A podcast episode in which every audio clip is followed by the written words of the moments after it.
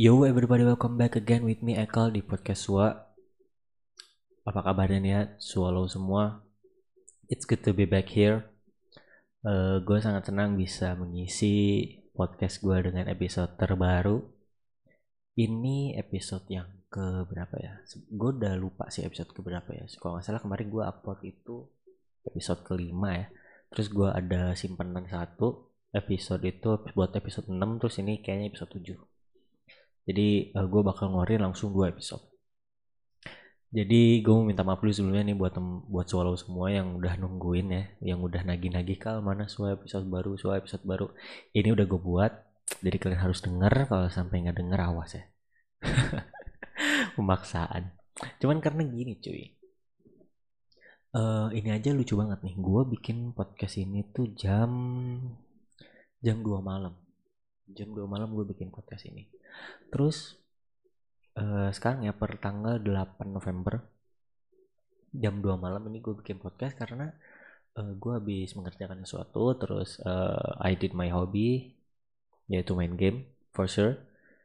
Terus gue kayak pengen aja gitu tiba-tiba ada mood celing entah ya ada ilham dari mana ada bisikan dari mana gitu kal kal buat podcast kal buat podcast. Ya udah gue tiba-tiba nyalain uh, recording gue setup segala macem langsung gue bikin podcast gitu. Dan here I am I'm back guys siapa yang kangen deh nggak ada ya kayaknya nggak ada yang kangen juga ya. Tapi kalau gue lihat statistiknya ya, yang nonton eh nonton yang dengerin podcast gue nih agak sedikit naik ya grafiknya. Thank you guys for your uh, time gitu buat mau ngedengerin podcast gue gitu. Yang padahal nggak ada artisnya nggak ada uh, yang clickbait clickbait atau nggak yang apa-apa gitu. Gue juga cuman orang biasa mas-mas biasa gitu yang ngoceh terus kalian mau denger gitu. Gue sebisa mungkin ini sih memberikan yang terbaik lah ya sebisa gua gitu. Ya mungkin ada ekspektasi dari kalian beberapa yang mungkin gak bisa gue penuhi gue minta maaf akan hal itu gitu. Cuman I'm trying my best. Oke okay, uh, eh, buat swallow semua gimana nih kabarnya? Ya semoga pada sehat-sehat selalu uh, kerjaannya atau enggak mungkin yang masih kuliah sekolah segala macam dilancarkan lah ya tugas-tugasnya kewajiban-kewajibannya dilancarkan. Karena ya yang kalian tahu sendiri lah ya sekarang juga masih pandemi ya. Jadi yang keluar-keluar yang nongkrong ya mungkin sekarang udah longgar lah ya. Jadi ya terserah kalian kalau nongkrong-nongkrong cuma tetap aja protokol aja jangan lupa. Terus ingat juga kalau kalian tuh pulang ke tempat ke tempat yang di mana itu ada orang tua kalian ya kalau yang serumah gitu jadi ingatlah konsekuensinya kalau kalian terlalu barbar di luar ya. Takutnya nanti kenapa-napa kan amit-amitnya kalian jadi carrier gitu. Karena uh, eh, gue ngomong sesuai statistik ya. Sesuai stati statistik yang dengerin podcast gue ini rata-rata dari umur uh, eh, 18 tahun ke atas sampai 24 kalau nggak salah ya segituan lah ya. Jadi masih pada muda-muda gitu. Takutnya kalian jadi carrier segala macam jadi nularin ke orang-orang tersayang kalian gitu sayang aja gitu jadinya. Ya pokoknya stay safe lah ya dari dari gua. Terus juga uh, buat solo semua yang dengerin nih lagi mau tidur semoga gue bisa jadi temen kalian buat mengantar tidur ya. Sama yang lagi ngerjain mungkin yang lagi ngerjain tugas ngerjain kerjaan semoga gue bisa nemenin kalian biar sedikit nggak ngebesonin gitu ya nggak suntuk dengerin gue ngomong atau malah dengerin gue ngomong bikin kalian suntuk matiin aja mati nih podcastnya. Sama yang lagi dengerin lagi di jalan ya. Semoga kalian cepat dan selamat sampai tujuan dengan selamat gitu. Tetap hati-hati di jalan terus kalau lagi nyetir entah itu motor atau mobil pelan-pelan aja ya sabar gitu. Karena orang eh banyak orang-orang yang nungguin kalian di tempat kalian ingin tuju itu sayang ke kalian gitu. Jadi hati-hati tetap di jalan ya. Oke langsung aja ya. Biasa seperti biasa nih sebelum masuk ke topik ya. Eh cuman uh, for information aja nih kayaknya gue kehabisan topik sih. Jadi gue mau ngebahas apa yang pengen gue bahas aja di episode ini.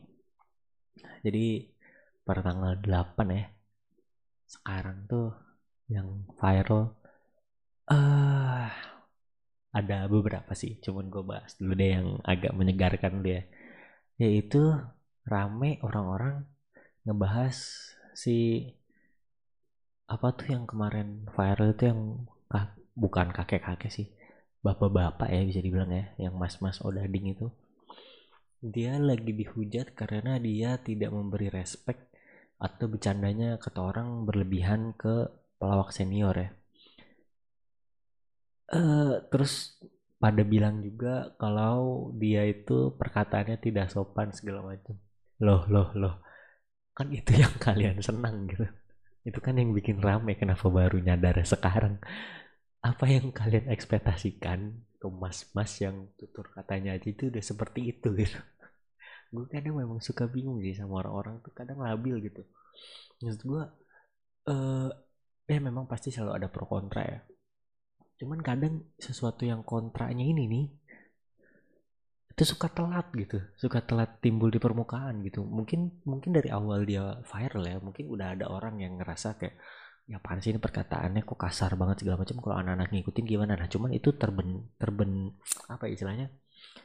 Terbendung ya tertutup sama orang-orang yang ngatain ala baper lu kayak gitu aja di permasalahan ini kan cuma bercanda segala macam gimmick. Cuman sekarang giliran dia udah mengeluarkan attitude ya sebenarnya itu sekarang jadi bukti aja gitu kalau memang ya seperti itulah orangnya gitu terus pada protes segala macam. Ya menurut gua ya salah sendiri sih dikasih panggung gitu ya.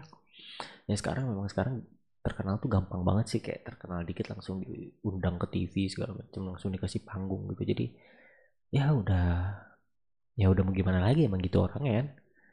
Jadi iya udahlah nggak usah ekspektasi ke orang tuh tinggi-tinggi kalau memang lu nggak tahu orangnya gimana lu nggak tahu kapasitas dia seperti apa ya lu bayangin aja cuman kayak mas-mas gitu yang memang sebelumnya bukan artis bukan entertainer ya dimasukin ke TV gitu terus di brief segala macam nggak mungkin kan di brief sekali.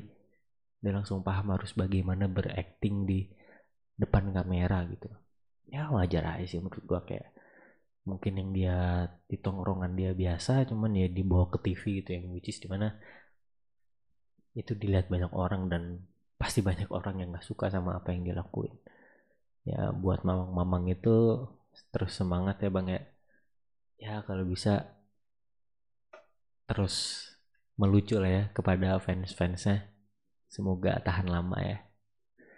Terus move ke topik yang di mana ini topik yang udah pernah gue bahas juga di episode pertama apa ya gue apa di episode kedua gue juga lupa yang di mana tersebarnya uh, gambar bergerak ya atau video soal artis artis senior ya. Ya ya gitulah ya kalian tahu lah ya. Yang seperti Mbak Zoro itu tersebar cuman ini agak lebih parah ya. Gue cuman pengen apa ya cuman pengen ngebahas tentang reaction dari netizen-netizen kalau apa yang terjadi gitu. Seperti biasa mereka pasti rame terus pada minta mana ya mana ya mana ya gitu kayak minta lihat gitu. Gue cuman pengen ngomong coba bayangin itu orang yang lu kenal, orang bahkan orang yang lu sayang gitu. Entah itu keluarga atau temen lu gitu. Terus kejadian itu tertimpa sama orang tersebut, lu nggak mau dong lu membiarkan itu terjadi ke teman-teman lu kan. Nah jadi keep your by yourself aja lah ya. Sama itu kan ya udahlah misalkan memang bener gue nggak bilang itu dia ya cuma memang sinyalkan aja. Misalkan itu memang dia gitu itu kan dituding mirip. Ya walaupun itu siapa pun gue nggak peduli ya udah itu dia gitu. Itu itu dia gitu men. Udah aja sih biarin gitu cuy. Itu udah jadi apa ya resiko dia melakukan itu gitu dengan lu hanya mengkompor-kompor ya aja tuh nggak ada gunanya gitu. Terus lu berlaga jadi orang yang benar kayak tuh kan gue emang udah tahu nih dia pasti orangnya begini begini begini. Nah itu malah jadi apa ya keburukan dan kebencian aja gitu dari diri lu sendiri dan itu merugikan lu gitu. Jadi mending lu diem aja udah lu sekedar tahu stop udah sampai situ aja gitu. Udah ya. Begitu menurut gue reaksi gue oke terus oh ini nih yang seru nih ya baru baru aja nih sih baru banget sih soalnya kan di sini malam. Di sana pagi ya yaitu tentang pemilu di Amerika. Kenapa gue bilang seru? Karena gue udah ngikutin pemilu Amerika itu dari zamannya Obama. Ya baru sih baru kayak dua periode ya tiga atau tiga periode sebelum ini. Gue udah mulai tertarik karena waktu pas lagi Obama jadi tuh waktu-waktunya pas gue baru melek digital ya jadi gue bisa searching segala macam. Terus pas lagi Obama baru jadi tuh yang baru apa presiden kulit hitam terus dia menjunjung tinggi hak hak orang kulit hitam segala macam jadi interesting buat gue kok bisa seramai ini gitu jadi presiden di Amerika gitu. Di situlah gue baru tahu oh ternyata culture-nya Amerika seperti ini gitu. Ya udah jadi gue ikutin politiknya saat pemilu. Terus juga gue ngikutin pemilu yang waktu pas Donald Trump sama Hillary Clinton itu seru juga. Uh, karena si apa ibu Hillary Clinton ini ingin mengalahkan Donald Trump ya which is di mana dia katanya orang kandidat terkuat gitu dan Hillary Clinton itu ingin melawan dia gitu. Ya seru-seru pertandingan si antara Donald Trump sama Hillary Clinton terus yang sekarang juga nih Donald Trump sama Joe Biden. Eh gue takut salah sih spellingnya Joe Biden apa Joe Biden ya gue lupa. Gue nggak apa nggak begitu banyak tahu spellingnya gue lupa. Ya Joe Biden atau Joe Biden gue sebutnya Joe Biden lah ya. Nah si Donald Trump sama Joe Biden ini serunya kenapa? Karena langsung singkat aja di intinya tuh si Joe Biden sama Donald Trump ini mereka itu panasnya atau enggak ributnya itu tuh nggak cuman pendukungnya doang nggak cuma tim sesnya doang yang yang ribut banget. Cuman mereka yang berdua pun ribut banget gitu. Nah ributnya tuh kayak gimana sih? Kalau kalian mau nonton dan punya waktu ya kalian bisa lari ke kanal YouTube terus searching aja gitu. Donald Trump uh, Joe Biden debat gitu. Nah nanti tuh ada tuh muncul di mana video-video Joe Biden dan Donald Trump itu debat. Itu seru banget sih. Debatnya sama kayak yang di Indo gitu jadi ada debat pilpres gitu. Nah cuman serunya adalah mereka itu saat dikasih uh, suatu topik terus dikasih waktu untuk berpendapat akan topik tersebut itu eh, nggak uh, ada yang mau ngalah gitu. Jadi misalkan Donald Trump dikasih topik dikasih waktu untuk bicara. Tapi Joe Biden tuh pasti langsung matahin uh, pembicaraan dari si Donald Trump dan begitu juga sebaliknya gitu. Nah di situ mereka mereka malah nggak bahas topiknya, tapi mereka malah, malah saling mengumpat satu sama lain. Sampai-sampai di mana gue lihat katanya reaksi rakyat Amerika itu kayak mereka itu nggak dapat poinnya sama sekali di debat itu. Yang mereka dapat itu cuman umpatan-umpatan dari kedua belah pihak. Itu lucu banget sih. jadi kayak bocah bocah tapi orang gede berantem gitu. Umpat-umpatan pas swearing swearing gitu lucu banget. Gue nggak tahu kenapa bisa sampai kayak gitu. Mereka juga gue nggak baca banget itu latar belakangnya mereka kenapa bisa sampai separah itu gitu.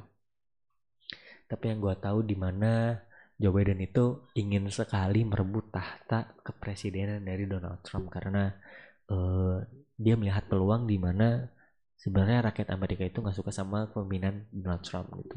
Jadi Joe Biden itu uh, kampanyenya bener-bener kebalikan dari Donald Trump itu yang bikin oh, mungkin Donald Trump takut kali ya di Joe Biden itu bisa menarik uh, rakyat Amerika. Nah, per 8 November ini udah diumumkan nih ya katanya si Joe Biden ini menang, menang election di Amerika. Kalau misalkan benar, gua Eka ingin mengucapkan selamat ya Bapak Joe Biden ya. Congratulations Pak Biden atas terpilihnya dari uh, pemilu Amerika untuk menjadi aduh ke presiden keberapa ya? 65 apa 64 ya? Sama uh, wakilnya wakilnya keren banget sih. Kamala Harris ya kalau nggak salah namanya. Itu keren banget. Her spirit is wow parah sih. Dia mungkin bakal jadi orang bukan orang ya wanita kali ya wanita pertama nih yang jadi wakil presiden.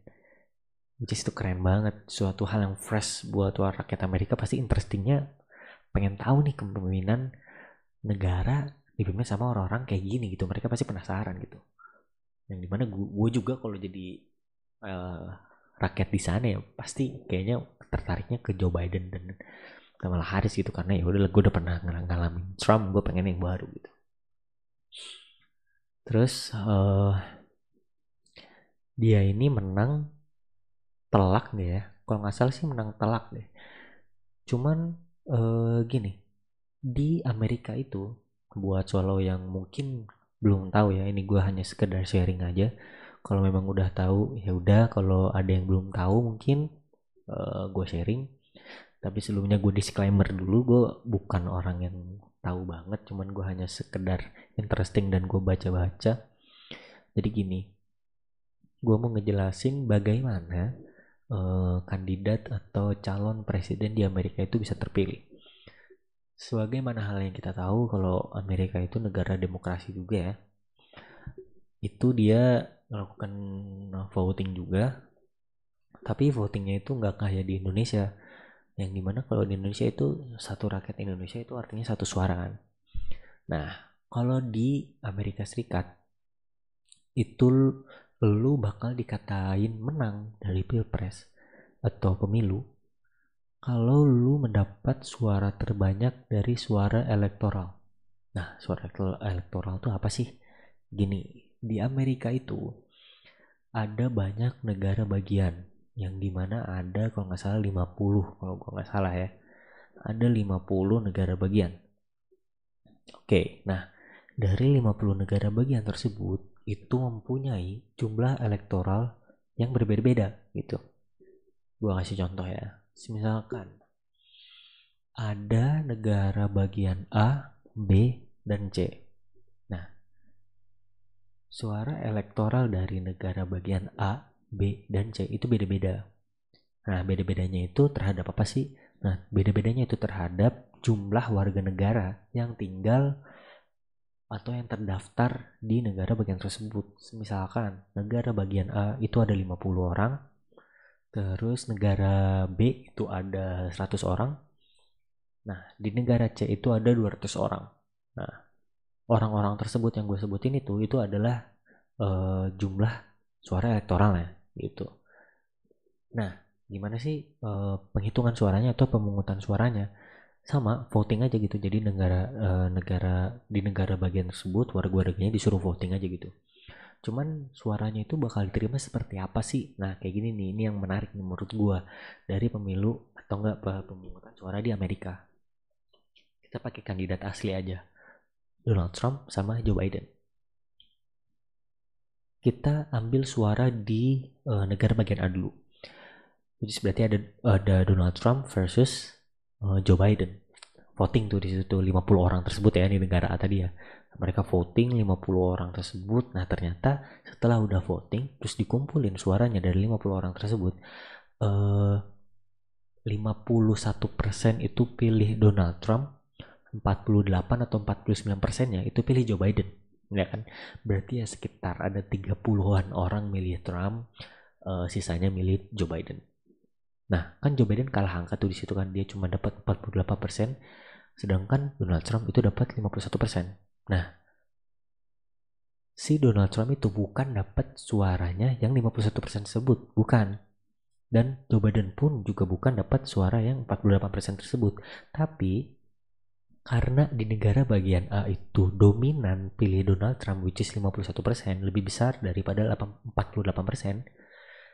Jadi suara semua uh, warga di situ itu diambil untuk Trump yang di mana jumlah suara tersebut itu ada 50 kan di negara bagian A. Nah, berarti sekarang si Donald Trump itu sudah mengumpulkan 50 suara.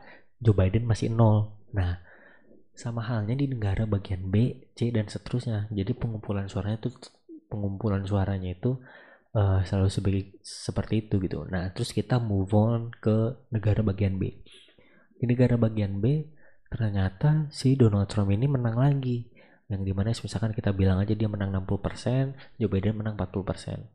Yang di mana tadi negara bagian B itu dia memiliki suara elektoral atau jumlah warga negaranya ada 100 kan nah yang ditarik lagi bukan yang 60 persennya cuman ya ya 100 100 nya ditarik suaranya buat Donald Trump memang terlihat agak gimana ya bukan egois sih ya aneh aja gitu yang suara yang kita nggak milih uh, Donald Trump cuman karena kita kalah suara suara kita dipaksa untuk pilih Donald Trump gitu karena bukan dominan di negara bagian tersebut. Uh, ini juga salah satu apa ya? Uh, kata mereka gitu kayak the winner takes all gitu. Jadi gue nggak tahu deh itu adil atau enggak. Cuman ya kalau mereka sudah melakukan seperti itu mungkin itu adil di mata mereka. Anyway, lanjut lagi. Jadi si Trump ini udah ngumpulin 150 suara nih ya dari jumlah elektoralnya dari negara A dan B. Lalu kita move on ke negara C, negara bagian C. Itu ada 200 ya, ada 200 suara elektoral. Nah, mereka mereka ini negara bagian C ini ternyata dominan pilih Joe Biden. Kita bilang aja 80% Joe Biden, 20%-nya itu Donald Trump seperti yang udah pasti kalian paham dari negara A dan B 200 suaranya itu buat Donald, buat Joe Biden nah udah final udah tiga-tiga negara bagian itu udah diambil uh, suaranya udah dikumpulin secara suara elektoral nggak taunya setelah dikumpulin memang si si Donald Trump ini menang dari dua eh menang dua dari tiga negara. Yaitu negara A dan B. Dengan pengumpulan suara 150 kan 100 tambah 50 si Joe Biden itu cuma menang di negara bagian C doang satu doang gitu. Tapi negara bagian tersebut memiliki jumlah warga yang lebih dari uh, negara bagian A dan B which is 200 jadi ya udah yang jadi presiden ya Joe Biden. Gitu. Jadi 200 dibanding 150 gitu ya menang Joe Biden gitu. Ya udah Joe Biden jadi presiden ya Amerika kayak gitu cuy. Pilihan di Amerika. Uh, itu juga itu fenomena yang terjadi sih waktu pas Hillary Clinton sama Donald Trump gitu. Katanya sih kalau nggak salah gue lupa. Gue emang punya lupa lupa ingatan yang parah sih kalau nggak salah sih waktu pas lagi Hillary Clinton sama si Donald Trump itu kayak gitu cuy. Banyak Hillary Clinton menang menang negara bagiannya banyak gitu. Cuman si Donald Trump menangnya dikit dari negara begini cuman dia jumlahnya itu yang gede-gede gitu. Jadi ya udah dia yang jadi presiden gitu. Ya gue gak tahu sih kalau Indonesia jadi kayak gitu ya. Mungkin bisa lah ya di per provinsi gitu ya. Kan ada 30 provinsian lah ya itu seru juga sih kalau misalkan kayak gitu. Cuman pasti gue yakin banyak banyak hal eh banyak orang-orang yang setuju cuman menurut gue itu suatu hal yang kayaknya seru kalau dicoba gitu. Buat negara kok coba-coba. Anyway uh, itu menurut gue seru sih uh, pemilu Amerika ya. Terus apa lagi gue bahas apa lagi ya? Hmm, udah sih gue nggak tahu mau bahas apa lagi ya. Karena gue juga habis topik nih buat solo semua kayaknya gue harus bikin question box buat kalian naruh topik apa yang sekiranya mau gue bahas ya.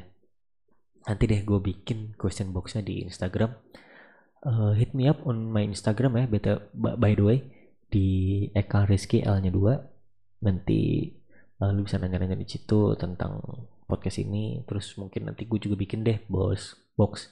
Questionnya buat kalian naro topik apa yang ingin gue bahas. Oke uh, mungkin dari gue segitu dulu kali ya. Sorry banget kalau misalkan kurang pembahasannya uh, dan cuman gitu-gitu aja gitu cuman sharing uh, apa yang ingin gue bicarakan gitu. Next time gue bikin podcast yang ada topiknya deh ya. Sama doain juga bisa konsisten karena yang lo tau sendiri yang gue bilang tadi gue bikin ini aja jam 2 gitu. Ini juga gue nggak tahu nih editnya kapan ya karena ya pertama moodnya belum ada terus waktunya juga sebenarnya waktunya mah ada ya cuman gue lebih memilih ingin me time. Jadi ya gitu lah ya lo tau ya konsisten memang sulit gitu. Tapi gue terus mencoba untuk konsisten karena uh, eh, gue udah anggap podcast ini kerja sampingan gue ya walaupun nggak seberapa. Cuman gue selalu kepikiran gitu kayak aduh gue belum bikin episode baru nih buat Sua gitu. Gue juga kepikiran swallow semua gitu. Karena gue harus bertanggung jawab sama apa yang gue mulai gitu. Masa gue udah buat kayak gini cuman gue nggak konsisten segala macam kan ya nggak bisa gitu gitu tuntutan dari gue sendiri. Ya gitu lah ya pokoknya. Oke uh, sekian dari gue kalau misalkan ada salah-salah kata atau nggak ada kata-kata yang mungkin kalian nggak setuju itu bisa langsung uh, obrolin sama gue gue sangat terbuka untuk diskusi. Semoga bisa bermanfaat buat kalian dan kalian selalu betah buat nungguin ya episode-episode selanjutnya di sebuah podcast ini. Gue Eka pamit undur diri. Bye